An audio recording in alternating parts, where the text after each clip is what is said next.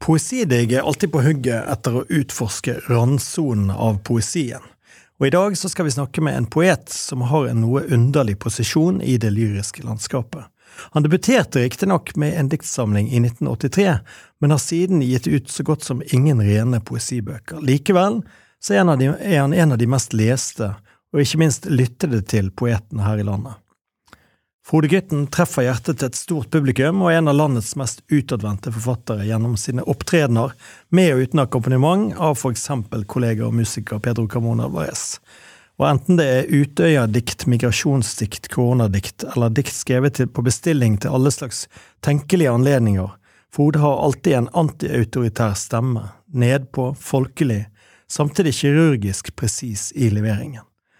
En helt grunnleggende empati legges til grunn for alt gutten foretar seg i litteraturen. Velkommen til eh, Poesidigg-studio, eh, Frode Gutten. Tusen takk.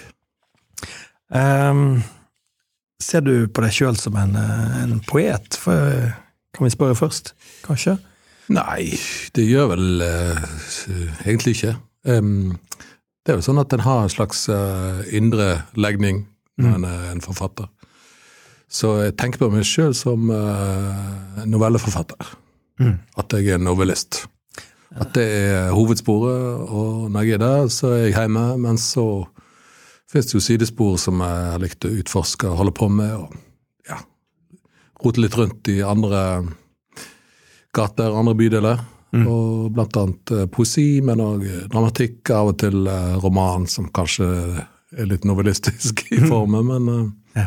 men men du har jo hatt poesien hele veien da, som en, som en eh, ting, og, og som attpåtil har vært På grunn av selvfølgelig den kort form, så er jo den også lett å presentere i, i TV-medier, radiomedier. Ja da, jeg har drevet og rota rundt med det der, men det har ofte vært eh, på oppdrag, altså leilighetsdiktninger, mm. anledninger og sånne. Og kanskje òg eh, eh, at jeg har dyrket mer det som er lydlig, da. Altså mm. framføre det mer enn å ha det på papir. Mm. Sånn, som er jo kanskje litt utypisk, egentlig. Ja. Altså fremføringene? Uh, jeg vil jo si at det er ganske altså, i, hvis, hvis en er poet, så, så gir en ut diktsamlinger, men jeg har jo bare Jeg debuterte med diktsamlinger, siden har ikke det skjedd at de tingene som jeg har skrevet for TV, for radio eller for forskjellige sammenhenger har jo ikke, jeg har ikke gitt det ut. Sant? Annet enn at det har fantes der i Enten jeg opp, øh, framfører det eh, live, eller det er på lufta i en eller annen form. Mm. Men jeg vil jo si at det gjør det til, til en ganske interessant dikter i det norske, norske, landskapet. Det er ikke mange av den typen. eller Jeg har snak, tidligere snakket med Fredrik Høyer, da, som, mm. har, eh, som bruker ja. det lydlige og opptreden, performancen, som, ja som sin del. Og, jeg syns det er viktig å utforske alle deler av, av poesimediet. da. Ja, men Fredrik Høyer er jo en sånn fugl, da, som jeg mm. syns uh, Han er jo fantastisk uh, når han driver og flakser rundt her med ja. tingene han gjør. Virkelig. Uh, men jeg tror vi skal greie å finne ut av etter hvert litt hvor, hvor at, at, For jeg vil, jo, jeg vil, jo, faktisk, i motsetning til deg, kalle deg en poet. da. Men det, vi, vi, får, vi, får, se om jeg greier å overbevise deg. Ja, ja, du får gjøre et forsøk. Men en ting som er i hvert fall helt utvilsomt, er at når du debuterer i 83, eh, kommer fra Odda til Bergen eh, rundt kanskje samme tid Ja, 79, høsten 79 flytta jeg etter. Ja, så da har du, da har du godt etablert med, med tung frakk på høyden. Eh, jeg vil ikke si at jeg er godt etablert, jeg var vel veldig usikker på et vis. Eh, men eh, jeg gikk jo i min fars sine gamle dresser, da, svarte dresser og sånn. Ja. Og uh, hadde håret høyt uh, og trodde at uh, de skulle ringe fra The Clash for at jeg skulle bli med der. da. jeg trodde ikke det, men jeg rota rundt der og mm. var veldig interessert i, i litteratur, da, men mest som lesende. Sånt, og, mm. Men så, så, så, skjer det jo et eller annet med Dette har jeg snakket om mange ganger, men det skjer jo et eller annet på den tida. altså Tidsånden var mm. på min side. Eh, det var en slags frihet i det, da, med, med at punken kom. Mm. Og jeg ble veldig opptatt av det. da. Selvfølgelig vært opptatt av rockemusikk og ja, liksom de store som Dylan og Joni Mitchell og Springsteen og uh, Van Morrison og sånn. Og, men så kommer punken som en sånn sensasjon som hadde den der friheten i seg. Johnny Rotten sa det at, at, at punken lagde en hel en flik av frihet for en hel generasjon, og jeg tilhører jo den generasjonen. Så det var vel kanskje det som til sjuende og sist ga meg en sånn At jeg turte å sette meg ned og skrive, for det var ikke noe selvsagt ting. Ja, det var litt gøy å lese den, den debuten din, Start, som han heter. Ja. Litt overtydelig tittel. det var jo åpenbart, åpenbart tittel. Men, men, Start, altså, det er jo det er jo en litt sånn kjekk, litt kjekkas, eller litt sånn friskus-type som kommer der, og liksom her er Og, og vi, har jo, vi, har jo, tenkt å kanskje at du, at du kunne lest åpningen på den. Ja, det kan jeg gjøre. Det, det skal jeg gjøre. Ja, det heter nummer én. Treneren forteller uten å se på meg at jeg er en taper. Han klamrer seg til lagoppstillingen som er bøddel til dommen. Læreren stikker den lange nesa si opp i ansiktet mitt og sier at jeg må arbeide mer, jeg må være aktiv. Han holder opp karakterene som rødt kort fra en mann i svart. Og en dag skal jeg løpe vekk fra de kalde, feite jævlene, over til det lova landet, øverst på min egen seierspall. Der skal jeg knytte neven mot det gamle jeg skal vinne.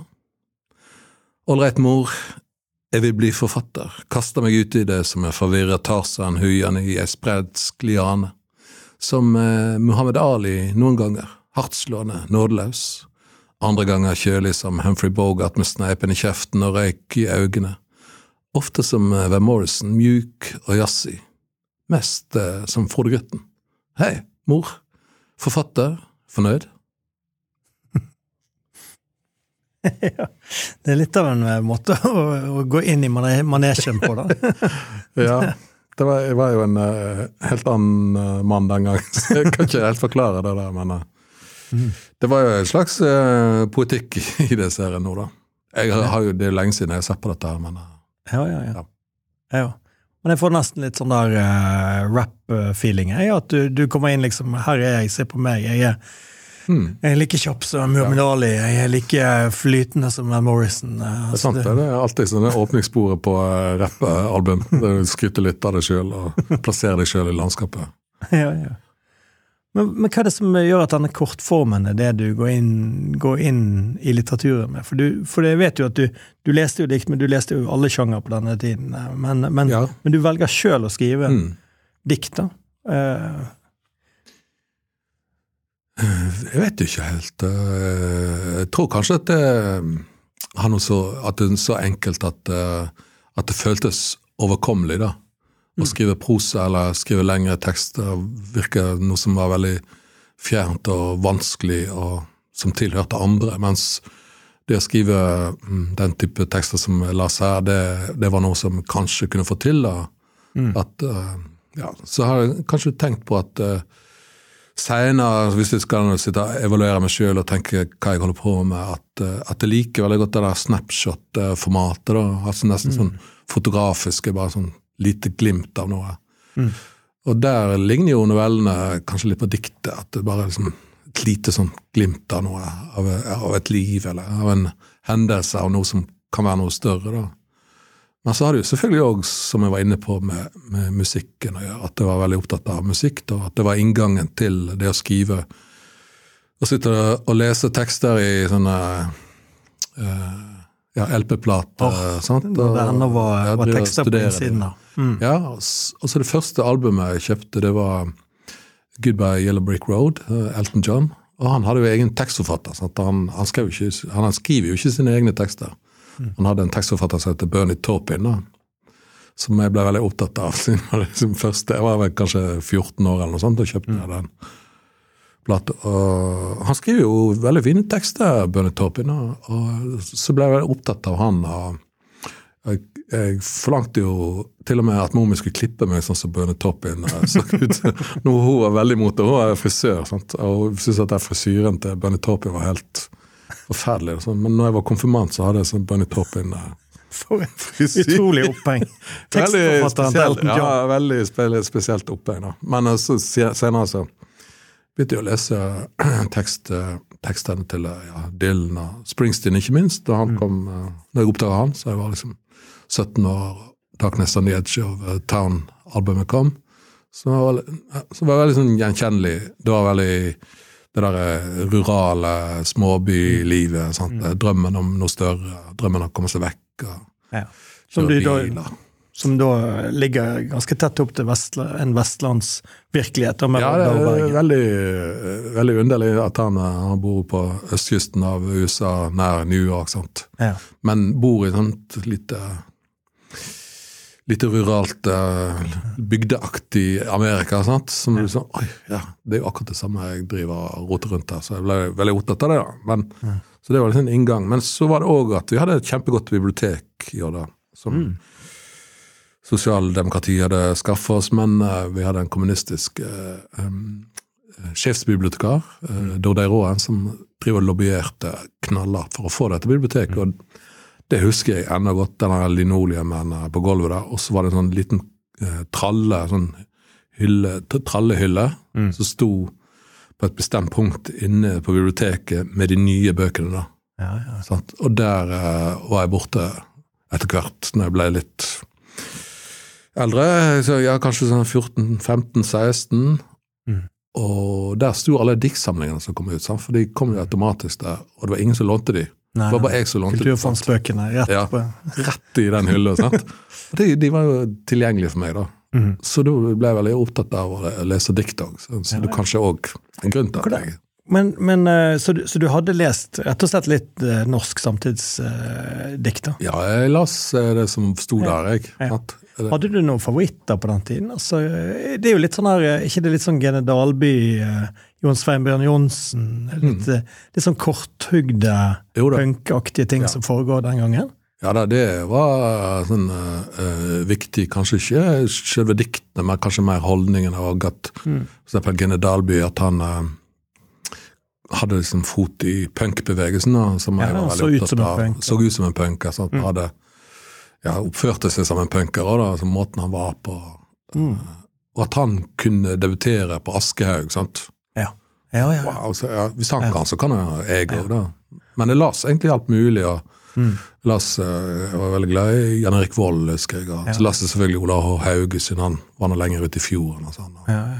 Men jeg las egentlig alt, så jeg kan ikke liksom si Huske helt. Jeg var liksom veldig glups på ja, ja. lesingen, da. Men akkurat i ja, Morten Jørgensen kom jo litt seinere òg, som ja. fot i, i rocken. I musikken. Så, så tenkte jeg ja, ja. Det, det, var et eller annet med at det var ikke så farlig. Jeg kunne ja. sette meg ned og skrive, jeg òg. Ja. Det var akkurat som jeg hadde tenkt lenge at det tilhørte de andre. Mm. Sånn At kunsten var noe som ja. Det var Eivind Solås og gjengen på TV, liksom. Det var kunstprogrammet. ja, ja, ja. Det var Det var kunsten, sant? det var noe opphøyd. Sant? Og Ja. det var det jo òg, på Ja. sett og vis. Jeg husker når jeg debuterte, så skulle jeg inn på, ble kalt inn på teppet av Ivar Havnevik i Aschehoug, på Sesteds plass. Og så akkurat så det der pulten hans var sånn to og en halv meter opp i lufta, sant? og der satt jeg og så opp på ham. Ja. Um, Men, men der kommer det altså en flom av Egentlig, eller ikke en flom, men det kommer en ganske god bunch av litt sånn nedpå uh, Nedpå-poeter, da. Altså som Ja, ja det, Mm. det gjorde det. Så var det jo um, selvfølgelig at det ble opptatt av beatpoesier, beat-poesier, da. Ja. Og um, jeg husker godt når, husker godt når uh, William Burroughs og John Jorno var her, da. I Bergen. ja. I Bergen, På ja. Hulen. ja det, først var de på studentsenteret, og da var det nesten ikke folk der. Det Så er helt uvirkelig liksom, å tenke på. William ja, Burroughs. det er helt uvirkelig. Sant? Og da, eh, på studentsenteret Jeg kan ikke huske hvor mange som var der, men det var ikke, det var ikke mange. Det Det var er mange liksom som sånn sier der- de har vært der. Ja, det var litt sånn der det, Sex Pistols i Manchester i 76. Men- så var de på Hulen, og jeg bare fortelle det, for det var, Ja, det, var ja. jo eh, det regner jo Dette har jeg hørt senere, da. Eller jeg hørte det senere. At det regner jo, og så fant de ikke hulen. da, sant? De hadde med seg en kjent mann. Ja. Men de drev og rota rundt på Møhlenpris der og lette etter liksom, hvor er hulen. Sant? Inngangen. Hvor er inngangen? Og så til slutt så fant de det, da, eh, og så gikk de inn på den eh, backstage-inngangen. sant? Mm. Mens uh, hulestyret, da, de var jo helt sjokkert, for de trodde det var noen som sneik seg inn.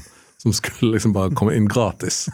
Men så kommer jo Burroughs, en gammel Med mann hatten sant, med hatten og Hva har han her å gjøre? Da? Men, men det, det, var kanskje liksom et, et perfekt sted for han òg, da. Underground. Sant? Ja. Lett, lett, tilgang til stoff.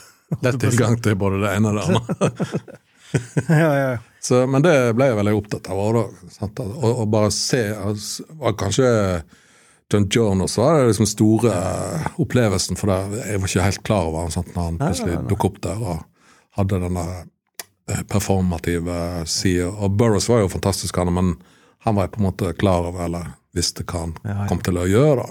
Og han var jo poseist, og poseist er ikke like gøy å høre på på scenen. Nei, så, Nei, altså, han er litt tørr uh, i opplesning, men veldig fascinerende, selvfølgelig. Ja.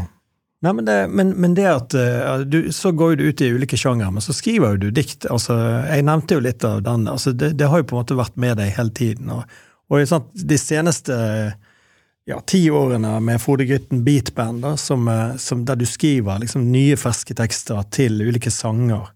Altså. Du har en, veks, ja. en, en, nydelig form da, som du har med, med Pedro på, på sang, og, og, du på resitering. og, og, og du har, du har, eh, en lang karriere i TV 2 med fotballdikt, og så har du Salongen. Eh, der hadde du nesten 100 dikt.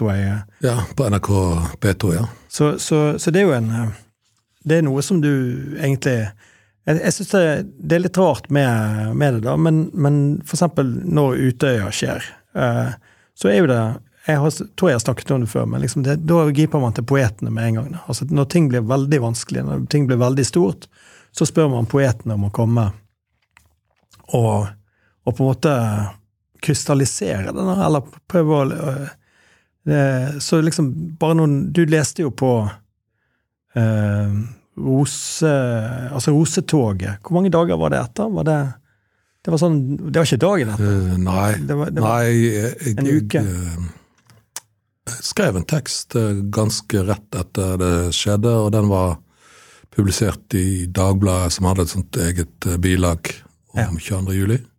Så skrev jeg en tekst året etter til ettårsmarkeringen, og så skrev jeg òg en tekst ti år etter. Ja. Så jeg har liksom skrevet tre dikt mm. om det. Men det, det, du snakker om, er jo liksom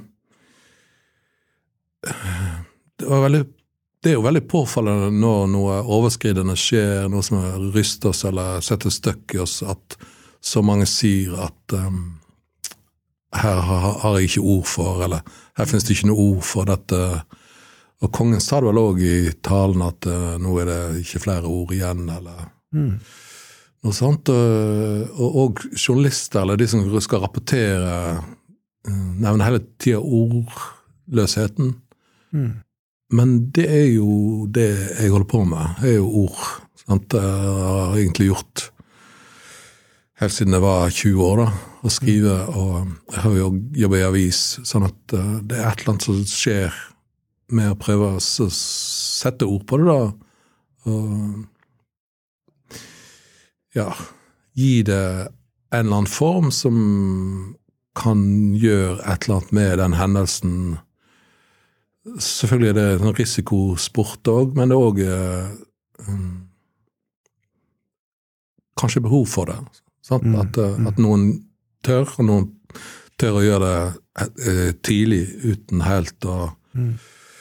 analysert det igjennom. Eh, så er det veldig interessant at etter en sånn hendelse så kommer det jo veldig mange som skal prøve å forklare det, analysere det og sette ord på det.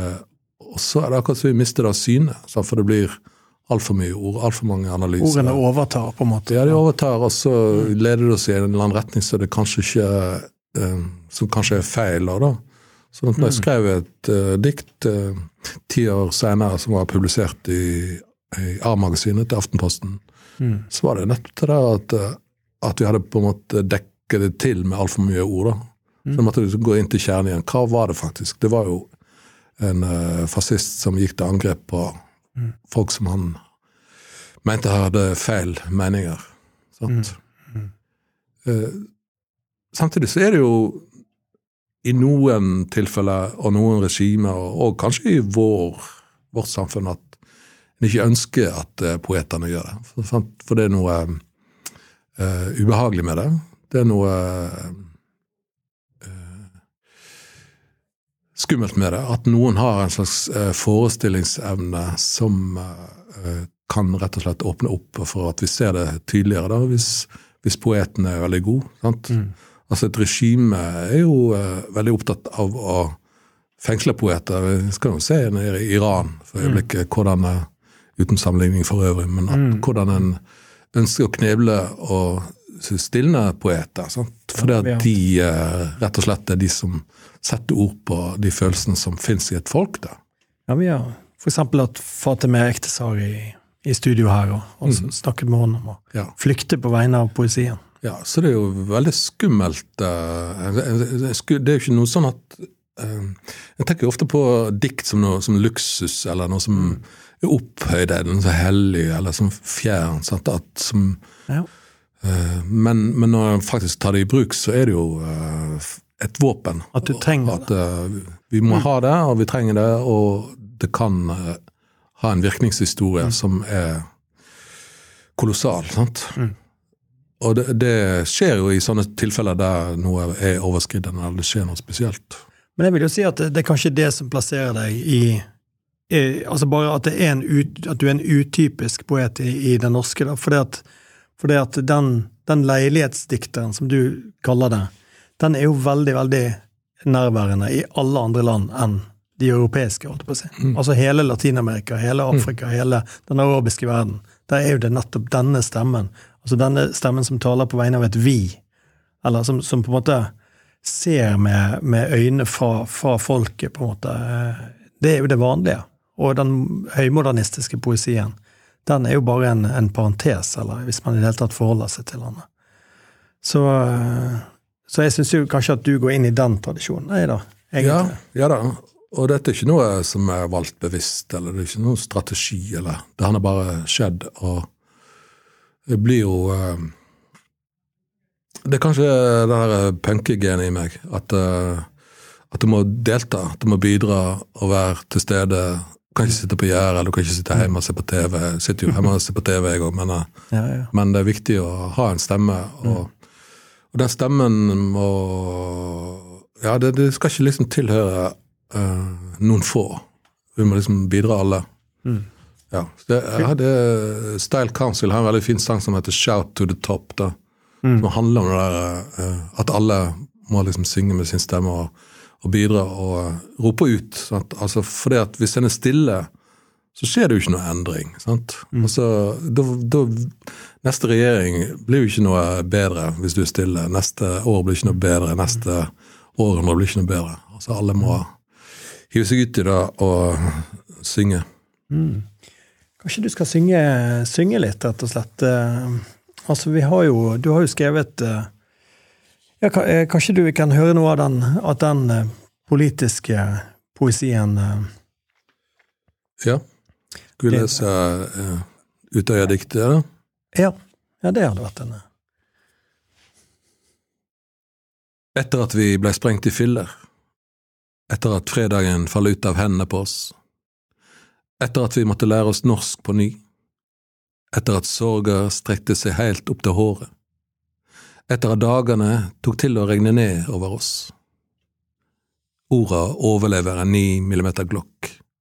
Kjærleiken er kraftigere enn ei 500 kilos bombe.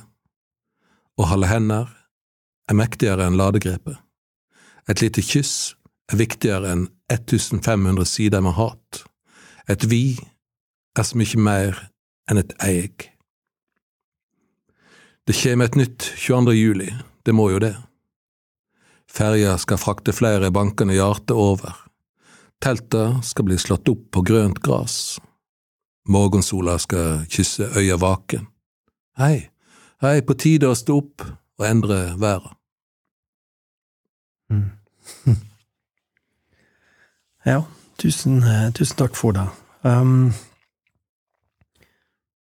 jeg lurer på Altså, du som Jeg tenker at den type dikt er jo reaksjoner på ting i verden, da.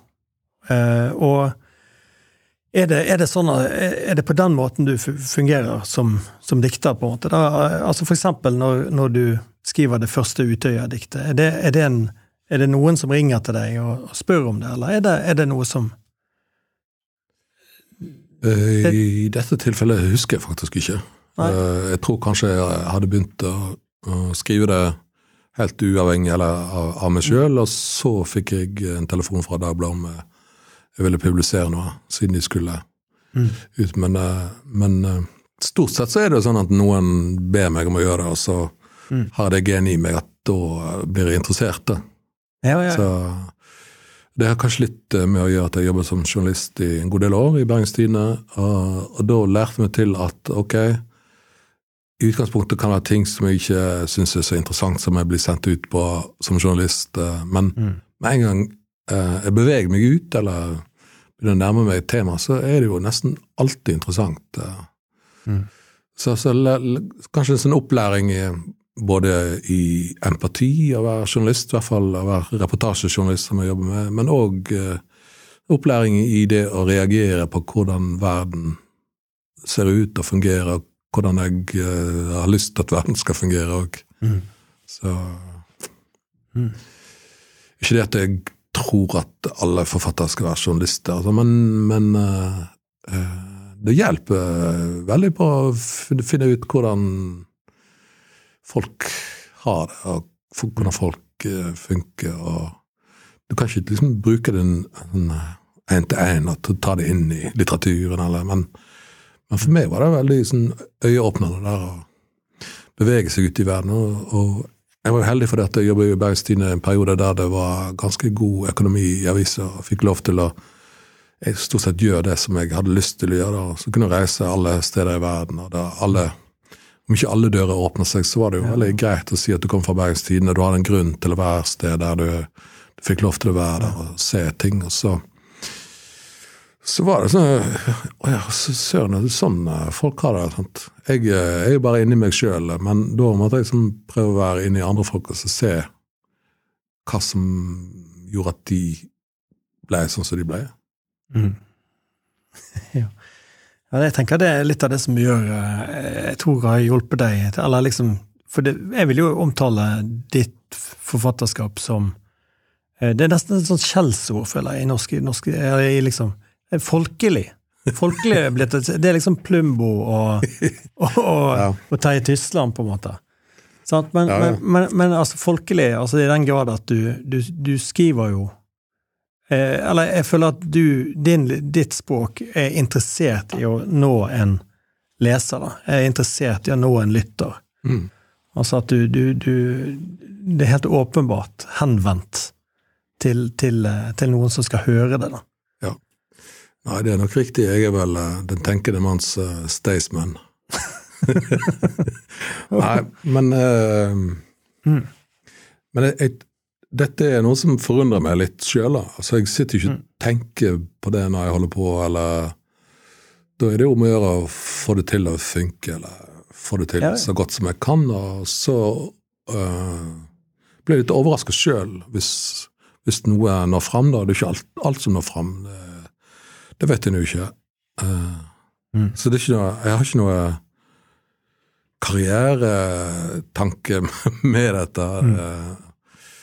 På den annen side så er det jo veldig fint å se at noe blir tatt i bruk, eller folk tar det til seg, eller at det har en virkningshistorie. Mm. Eh, At noe betyr noe for noen, da. Ja, for folk Og- bruker jo diktene dine. Ja, de de, leser jo det. de opp Ja, i mange det. sammenhenger. Ja, og det får jo veldig mange tilbakemeldinger på, da, og det eh, gjør en jo veldig glad. Du kan, du kan ikke oppnå noe mer, eller eh, Det er jo kanskje det fineste av alt, at noe blir tatt i bruk, da, som du har skrevet. Mm. Så, men men jeg, jeg, jeg går jo ikke og tenker på det, så jeg blir sånn overraska hver gang jeg eh, blir påminnet om det. da. Mm. Enten de stopper meg på gata, eller de sender melding, eller Altså folk eh, blir beveget i en eller annen retning, da. Så jeg setter jo stor pris på det, da, men, men eh, det er jo ikke så mye du kan bruke det til, annet enn å bli glad. Mm. Du kan ikke, du kan ikke henge det opp på veggen, eller Nei, nei, du kan ikke sette det inn på konto. nei. Hvis, bare prøv å se litt på, på altså, Jeg tror jo det at det journalistiske, eller denne deadline-greien du har levd med i mange år, har hjulpet deg i forhold til rett og slett produktivitet. da. Altså at du, du er jo en virkelig hardtarbeidende forfatter. Eh, Eh, I forhold til, altså Vi har jobbet en del sammen på ting, og, og du kan jo produsere tekst uhyre fort da, med, på høyt nivå, liksom. Det, det, så, men, men jeg, jeg, lurer på hvordan du Hvordan ser det ut når du når du sitter med det? på en måte, eller hvor, hvor, altså Har du en slags skuff med ideer du, du henter fra, eller hvordan, har, du, har du noen teknikker som rett og slett ja. hjelper deg? Nei, jeg har egentlig ikke det. Men hvordan kan du greie å få, få, ideene så fort? Det lurer jeg på, om du har en sånn eh, magisk liten boks med, med Som ligger der og venter Nei, jeg tror det er to forskjellige løper. da. At Noe går seint, og noe går uh, veldig seint, og noe er langsiktig. Mm. Og det er kanskje der jeg uh, jobber hardest, hardest og Jobber med det andre òg, men det andre er kanskje at jeg føler meg friere, at jeg kan uh, Hva er det andre, bare sånn? Ja, det er jo noveller eller ja. skuespill, eller mm. hvis det av og til er en roman. Mens dette andre, det som vi snakker om her, hvis jeg skriver noe fotballdikt til TV 2, eller mm. som kan gå veldig fort, der du egentlig trenger bare ett bilde som du kan mm. henge resten av teksten på. Sant? For det må være enkelt. Du kan ikke være, det, det kan ikke være altfor vanskelig. i en sånn... Ja. Et tydelig grep. Det er et tydelig grep, sant? Og, og hvis det stemmer, så kommer teksten, liksom. Mm. Um, så har jeg kanskje tenkt på den delen av skrivingen som at det er ikke så farlig, eller Jeg har ikke mm. Ja, det er lave skuldre. Ja, det er litt lave skuldre, og det er ikke så stor prestasjonsangst. Og jeg vet at uh, noe av det kan være forgjengelig. Og da, mm. Altså at noe skal fungere i en sammenheng der og da. Mm. Så skrev jeg liksom 100 sånne litt sånn dagbokaktig, Franco Hara-aktige eh, dikt til Salongen, som vi holdt på med i, på P2. På P2 i fem år. Ligger, var, ligger, det tilgjengelig fortsatt? Det ligger tilgjengelig på ja. NRK-spilleren, mm. ja. Mm. Men det var et sånt samarbeid jeg hadde med Hans Kristen Hyrve, og der var jo vi var enige om at, at teksten ikke nødvendigvis trengte å være eh, perfekt eller god, eller Det var mer et sånt øyeblikksbilde, eller litt sånn dagbokaktig, at uh, Ok, nå skjer det og det. og Noen ganger så treffer du perfekt, og noen ganger så bommer du. Og, mm. Men det òg er greit, da. Sant? Og da, øh, da, er det jo lettere å skrive når du sitter og tenker at dette må være for evigheten, eller dette skal, ja, ja. skal alle lese om 100 år. Så, så, jeg har det genet i meg, og så selvfølgelig er det liksom Om det ikke er journalistisk, så er det i hvert fall noe som jeg lærte der, at i, i, i avis så var det jo sånn at det alltid var et hull som skulle fylles. altså Du kunne ikke ha avissider som mm. var tomme. Sant? Det var alltid mm. noe hull der som måtte fylles, og da må teksten komme. Mm. Sant? Sånn at uh, når jeg setter meg ned og skriver, så er det akkurat så uh, hodet blir aktivert. og uh, så har jeg mye oppi hodet av ting som jeg har lest. Jeg husker veldig godt Mm. Ting som jeg har lest eller sett på film. eller så jeg har en svært arkiv oppi hodet. og Det er liksom skremmende hvor det, godt det der arkivet er, for det, jeg husker veldig dårlig ellers på masse ting. da. Blant annet bursdager. Det er helt ute. Men akkurat ting fullt, som jeg har lest Fullt i toppen da, men. Ja, det er fullt med litteratur og mm. film og musikk og sånn. Og så henter jeg ofte opp det sant, og mm. ser å ja, der, det kan jeg bruke. så stjeler jo som en ravn, jeg òg, mm. her og der. Jeg har jo brukt uh, likt, likt, å skrive over andre sine tekster. Ja. Sånn kan du fortelle litt om det? Altså, altså, I salongen så var det vel, i salongen var det vel sånn rett, rett, og slett at du valgte en sang, eller det var en sang ja, som var utgangspunktet. Mm. En, en popsang eller en, en eh, sant? Og så, mm. og, så, og, det, og det er den samme måten du jobber på i forhold til eh, beatbandet, og, og, i forhold ja. til dine samarbeid med Morten Kvenlid eksempel. Eh, Kvenild. Kvenild!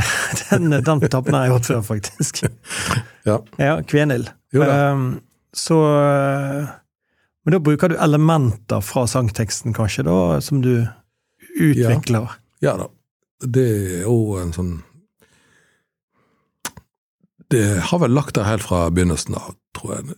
At, at det, det skrivet er dialogisk, altså at det er dialog med det som jeg har likt, og det som jeg har vært opptatt av. Mm. Eh, så det er en sånn form som kanskje bare utvikla etter hvert. Eh, når vi begynte med det som ble hetende Frode Rytten Beatband fordi vi ikke hadde i mangel av bedre navn, så ble vi hengende ved oss. Jeg kom ikke på noe bedre navn, men mm. det ble noe hengende ved oss. Mm. Så begynte jo med beatpoesi, da, altså andre sine tekster. altså Gregory Corso og Franco Hara og mm. Ellen Ginsberg og Kerouac. Og, så spilte vi jazz. Så fant vi ut at det, ingen av oss egentlig likte jazz. kanskje noen i bandet, men uh, vi syntes kanskje det var litt rart at vi skulle spille jazz. Mm. Og så fant vi òg ut at den beatpoesien uh, var litt vanskelig å framføre. Det ene var at det ikke var mine tekster, at det, det var mm. sånn langt bort til de folkene der. da. Mm. Men òg at det var veldig ordrikt. Sant? Det var veldig, ja, ja, ja veldig masse, masse, masse, masse, ord som kanskje det ble sånn overdøvde. Så etter hvert så begynte vi å velge sanger som vi hadde veldig sånn, kjærlighetsforhold til. Sanger som vi likte veldig godt. og uh, Så begynte vi å bruke mine tekster, sånn at det kommer mye nærmere. Mm. Og, men det kan òg være sånn at uh, teksten kommer først, og så har jeg valgt en sang sammen med salongprosjektet. At det, mm. det er ikke nødvendigvis at alt i utgangspunktet er sangen eller musikken, da. men mm. kan gå begge veier. Det, det, er litt sånn der, eh, når jeg tenker på det, litt sånn forgjengelig Eller liksom at det er jo Alt er jo forgjengelig, da, altså ifølge Buddha, holdt jeg på å si. Men, men, jeg tenker jo det at jeg tenker jo liksom, når jeg sitter liksom og lager bøker, eller liksom sånn treårsprosjekter på, på poesi, poesi, og, og sånn, og så, tenk, så, har jeg en eller annen sånn villfarelse om at dette blir stående. på en måte, eller dette dette, mm. når, jeg, når, jeg, dør, så står de der, liksom. og sånn, og sånn. Men for meg virker det sånn helt sånn skremmende å lage ord som du vet vil vil eh, altså berøre språket på en eller annen måte, og så skal det forsvinne igjen. Mm, ja. Men, men, det, men, du vet eh, hva jeg sa om uh, aviser, at uh, dagen etterpå så var det brukt til å pakke inn fisk. så uh, ja, det. Jeg, jeg, har vokst opp i den uh, ja, ja, avisverdenen her. at det ordet òg kan uh, forsvinne. Men, men det, er jo sånn at noe tenker jeg og håper jo har en lenge levetid, da. Mm. Og det har jo du. Du har skapt mange tekster i poesi som, som har lang, lang levetid. I, eh, og som nesten har blitt dokumenter på ulike ting. Jeg lurer på om vi skulle hørt litt uh, mer deg lese. Uh, fra Jeg tenkte den, kanskje den uh, De som seiler, holdt jeg på å si. ja. Um, det er greit. Tusener som seiler. Jeg er han som drar ørkenbåten med seg over havet. Jeg er han som seiler gjennom stormen. Av røyk og rust og gribber og journalister. Jeg er han som står litt ute til venstre i argentinerdrakt. Jeg er han som strekker ut hendene som om jeg var Kristus. Jeg er hun som sitter midt i båten, på styrbord side med en gutt på fanget. Jeg er hun du diskuterer på TV og i lunsjpausen og i parlamentet og i kommentarfeltet. Jeg er hun du aldri ville innvilge et morgengry. Jeg er hun som aldri får hvile. Jeg er gutten som heller riper helt øverst på bildet. Jeg er han som har stranda alt før han strander. Jeg er han som du vurderer om du skal plukke opp, fordi du er redd jeg skal rasere kommuneøkonomien. Jeg er den menneskelige flamme. Jeg er han som hiver pusten mellom fem skuddsalver. Jeg er hun som er nummer 3279 i statistikken din. Jeg er jenta som må tåle vekta av nettene og dagenes endeløse venting. Jeg er kvinna som blir kutta opp av grensemaskinpistolen din. Jeg er gutten som er på vei mot ditt femstjerners hotell og ditt badebasseng. Jeg er han som ikke kan svømme. Jeg er han som flenger hver av de open. Jeg er mannen på marsj. Vi er de tusener som seiler igjen. Vi er de tusener av skugger som kjem susende inn i mjølkevegen din. Vi er 18, vi er 68, vi er 4, vi er 32, vi er 27, vi er 12. Vi har navn. Vi heter noe alle sammen. Vi heter Frank og Silla og Eilana, Amina, Haj og Mustafa. Vi er de tusener som seiler igjen. Vi er de som har brukt alle sparepengene for å krysse fornufta eller havne i en likpose. Vi er de som hyler om, at, om vi i horisonten oppdager et øre som orker å høre. Vi er de som bare ber om å få leve. Vi er de tusener som seiler igjen. Tusen takk, Frode. Um, der har jo du Der har du et gjennomgående grep, på en måte, gjennom, som vi snakket om. Men jeg tenker det at eh, det kanskje tydeliggjør litt det demokratiske prosjektet ditt også, da. Altså at stemmen, stemmen til, de, til de mange, på en måte. Eller at det, at det trenger ikke være din, det trenger ikke være Frode sin, sin stemme som, som, skal Det er ikke Frode Gyttens sjel som skal bres utover boksidene på romantisk vis. Det er Nei, det er klart det, det, er problematisk å gjøre dette. og Det er litt sånn uh, minefelt å gå inn i. Sant? At du skal prøve å skrive om noen som ikke er deg sjøl. Der har det kanskje skjedd en sånn innsnevring de siste årene som jeg syns er litt betenkelig. Da, at forfatterne liksom bare har lov til å gå inn i sin egen navle omtrent. Eller mm.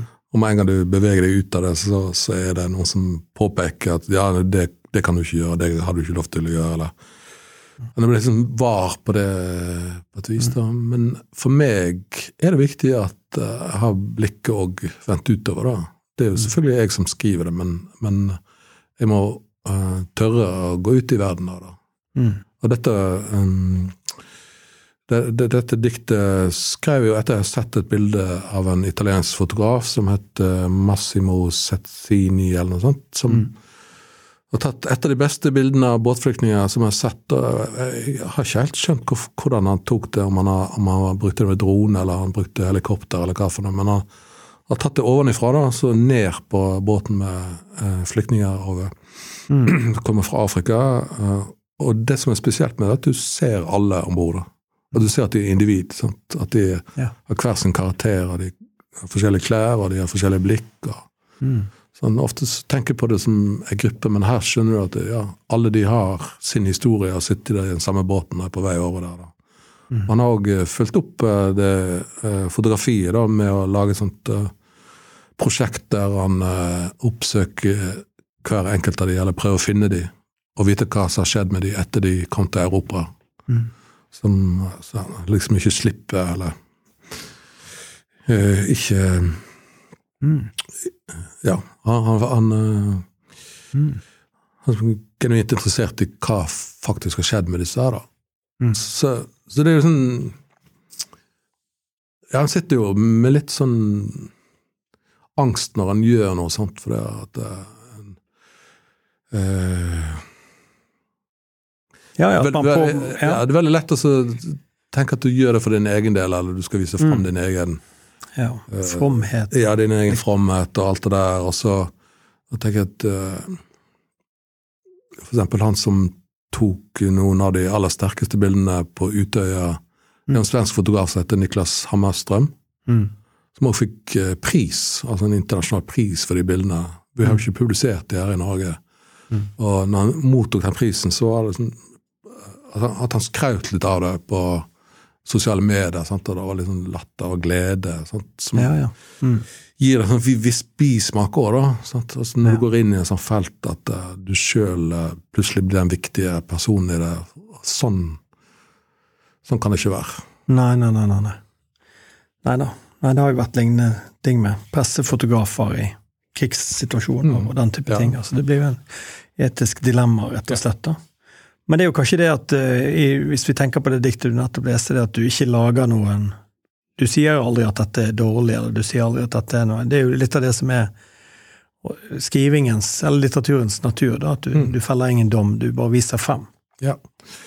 Og de som kjenner rockehistorien, vet jo at, uh, at uh, dette òg står i en dialog med den sangen til uh, The Pogues som heter Thousands of Sailing. Ja. Som handler om de irske migrantene da, som reiste fra Irland etter ja, Som levde i sterk, sterk fattigdom, og potethøster som gikk feil, og engelskmenn som stakk av med alle rikdommene som reiste over havet med stor risiko til, til USA. da. Veldig, veldig flott, flott sang. Dette kommer i, i, doktorgraden. Musikalske referanser i Fodgyttens forfatterskap. Som sikkert, noe, sikkert, noen sitter og skriver. mm.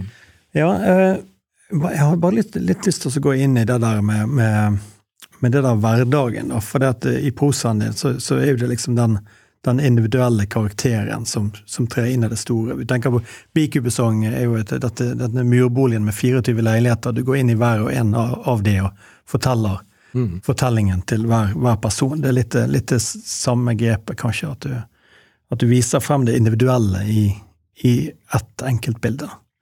Uh, så, men jeg tenker at det der vanlige altså det jeg, Jeg har jo hørt deg snakke litt uh, altså Det med å oppheve eh, forfatteren til på en måte en, en slags altså, altså, at det vi driver med, er noe mystisk, eller noe høy, høyverdig Jeg føler at du har en litt mer sånn Altså, du tenker på det rett og slett som et arbeid, eller? Altså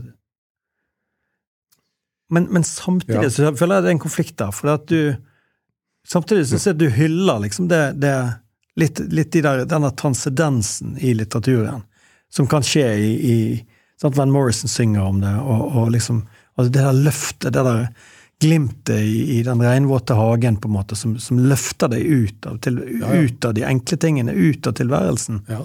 Uh, Nei, det er det jo, og det, det, det, det håper jeg finnes der i det som jeg skriver, da. Men, men uh, det som jeg har problemer med, er jo selve forfatterrollen, og gjøre den til noe sånn opphøyd, eller mm. Og det har jo kanskje med den egalitære grunnholdningen som uh, sitter veldig djupt i meg, som sikkert er vestlandsk òg, at, at jeg er en vanlig fyr som mm han har uh, begynt å skrive og har likt det og prøver å gjøre det så godt jeg kan, men, uh, men, det er veldig vanskelig å tenke på at forfatter skal være noe annet enn uh, andre folk. da. Mm.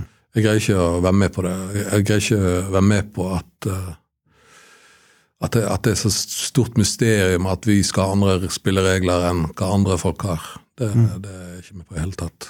Uh, Samtidig så er det jo mystisk eh, at en får det til. Sant? Jeg kan jo se på ting som jeg har skrevet tidligere, så, så leser jeg det. Så av og til må du jo oppsøke dine egne ting. Mm. Og det kan jo være både fælt og fint. Mm. Men uh, jeg lurer jo av og til på hvor det der kom fra, eller ja. hvor dukka det opp, eller hvem var jeg da, eller hva var det jeg egentlig holdt på med? At du går så langt inn i noe og mm. Og så må du ut av det igjen, for du detter jo fort ut av det igjen. Det kan jo gå på 14 dager, eller mm. hvis det har gått 14 år og du må inn i det, så tenker jeg oi, oi, oi mm. hva er der, eller mm. Så det er jo noe Dag Solstad snakker om det der når han, han, skriver at han hadde tenkt på et eller annet tidspunkt å lage en sånn dagbok parallelt med romanskriving, da. Mm. Der han eh, prøvde å helt sånn fysisk skrive ned hva er det som skjer når jeg holder på med dette her. Men det ble for krevende. han Det, det, er jo krevende nok å skrive en roman, så han gjorde jo ikke det. da, Men jeg skjønner eh, prosjektet hans at eh, når du har gjort et sånt skrivearbeid, så er det veldig underlig. Sånn, hva det som skjedde her? For det er så mye mm. ting oppi hodet som du må koble og, mm. Og ta fram og forkaste, og alle valgene og alt det der. Og så havner du kanskje et sted der du ikke hadde tenkt du skulle havne til slutt. Ja. Så så litt, eh, litt mystikk. Litt, litt mystikk er det, det, men uh, ja. Men du tar ikke på deg tolvmannshatten eh, når du sitter og skriver? jo da, jeg, det, jeg har på meg trollmannshatten. Nei, en gang, så, en gang, så, snakket du om Jeg tror det var et eller annet sted at du hadde Van Morrison er jo viktig for deg og, og, og meg som er og hans tekstunivers. Og at mm. du hadde oppsøkt Raglan Road, da, som, ja, var hans, ja. Eh, som var hans barndomsgate, som han hadde på en måte løftet til, eh, til et sånt mytisk eh, sted. Og så, og så dro du dit, og så Jeg vet ikke om du bare vil fortelle hvordan det møtet Ja da, Nei, det er sånn at han, han sang jo en Sammen med Chief Days hadde en versjon av Raglan Road. I Belfast? da? Ja, Nei, det er i Dublin. Ja, Dublin så, var det. Så det er liksom mm. på bortebane for han, da. Ja, ja. Men, men denne sangen omhandler da et kjæresteforhold som starter i Raglan Road, og som da ender i Grafton Street, eller omvendt. Jeg husker ikke nå, det er så lenge siden. Mm. Men han, veldig, han synger den veldig fint. da, sånn Tradisjonell irsk folkesang. Og så hadde han sjøl opptatt uh, uh, dratt til Raglan Road, da, som ligger i den rike delen av Dublin, mm. uh, for å se gata. da. Så ble han veldig skuffet, sånn, for han hadde oppi hodet sitt tenkt at dette var et sånn mytisk sted. Mm. Som var ja, som kjærlighetens sted og romantikkens sted. Og, sånn var det da. Og, mm. Så går han gjennom gata og så, jeg var liksom skuffa over dette. her da. Eh, men den, så tenker han seg litt om, da, og så begynner han å se på gaten, og så, så tenker han ja, dette er filmer, da. Så han begynner å tenke at ja, um, se på de vinduene, se på de dørene, tenk på alle de livene som har vært levd her, tenk på alle fødslene, alle kjærlighetshistoriene, alle bruddene, alle kranglene, alt som har foregått på innsida av disse husene. da. Mm. Så amazing, sier han da. Mm. Og det er noe med det du kan gå gjennom en gate, eller du kan gå gjennom din egen by. Jeg eh, kan gå gjennom Odda, og så ser det veldig grått og kjedelig ut og helt vanlig, ordinært. Men det er noe med alle de tingene som er på innsida der, da, sant? som du må hente fram i litteraturen. Eh, du må ha liksom arkitekturen med huset og leiligheten og alt dette her. Men det magiske og det som er spesielt og menneskelig, det skjer jo på innsida. Mm. Og der er jo forfatterne og tekstforfatterne og um, sangerne spesielle, for de kan være på innsida. Du trenger ikke ha noen grunn til, til å være der. Du kan liksom bare åpne ei bok, så er du på innsida. Du kan gå inn i en tattersal, så er du på innsida. Mm. Altså alle andre, altså folk som driver med journalistikk, eller dokumentarister eller biografer, de, de må på en måte komme i etterkant, eller de må be seg inn. Og da skjer det ikke, sant? fordi de er der. Mm. Mens vi, når vi skriver, vi er på innsida. Vi er tett på der de virkelige tingene ja, de, de, de, ordentlige tingene, de viktige tingene i livene mm. våre skjer der. Mm. Så det er jo amazing, det. Det er det. Jeg husket det feil, men det kom til et fint sted likevel. Mm. Ja, Eh, det, det, jeg er så dårlig på å huske akkurat sånne Men heter det On, On Raglan Road? Sangen? Jeg tror det. Jeg tror, ja. det. jeg tror det. Vi får uh, uh, Altså, jeg, jeg, lurer på om vi skal avslutte med en, med en, opplesning, egentlig. Altså, ja. det har Hvilke var det vi hadde tenkt nå? Nei, kan jeg lese dikt til far min? Ja, det er ingenting som er bedre enn det. Var 97 år i går. Mm. så det er jo rart å ha hatt en far uh, så lenge, men et privilegium òg. Mm. Så jeg skrev et dikt da, som heter 'Far min koker et egg til meg'. Far min koker et egg til meg, og jeg veit ikke hva det er som gjør at det rører meg slik. Han står bare der med ryggen til og spør om jeg liker egg. Alle liker vel egg, svarer jeg. Bror din liker ikke egg, sier far min, og jeg forstår at det er jeg som er ute å kjøre. Jeg kjenner ikke min egen bror. Jeg trodde virkelig at broren min likte egg. Denne morgenen tenker jeg at vi vet så lite om hverandre, hvem vi er og hva det er som får oss til å tikke i dette livet. Men jeg vet at jeg forstår litt av far min, og han forstår litt av meg. Det får Halle. Det får halve en lørdag morgen, og far min står der på kjøkkenet og venter på at egget skal koke ferdig. Et blautkokt egg fra far til sønn. Og hva slags poet er jeg som blir så rørt av livet av en far som koker egg til meg? En far med hvitt hår og svarte bukseseler, som jeg ærlig talt må si er ganske tøffe, og som jeg misunner ham. Det er ganske grått ute, og alt er slik det alltid har vært, og ingenting er noen gang som før og jeg kakker skallet av egget og nytter skeia og drysser et lett regn av salt over den gule eggeplomma. Det var en praktfull avslutning. Det får Halle, som du sa sjøl. Eh, jeg vil eh, takke Bergen kommune og Norsk kulturråd som har eh, støttet støtta prosjektet. Og så takker jeg Andreas Skavdal, som sitter og har lyden. Og ja, jeg håper dette ble greit, Frode. Foda. Å være i det poetiske Ja, det var Det føltes uh, bra, så du har lokket meg over i, Får vi? så, til poesiens uh, forjettede land. Som du sikkert har forstått, så har jeg stor respekt for din, din måte å være være til stede i den norske poesien på. Da. Men, eh, men får vi, tror du vi noen gang får se en Fodegutten som kanskje på litt sånn fra 80 år, når du blir 80-90, da kanskje du går inn i en sånn poetisk sluttfase? Ja, det ser Den terminale Terminalfasen, så blir det bare poesi. Jeg greier ikke, orker ikke skrive de der jævla novellene. Nå var det bare Gammel og vis. Ja. ja. Nei, men Yes, vi vandrer ut i, i dagen igjen. Ja, det gjør vi. Takk. Takk.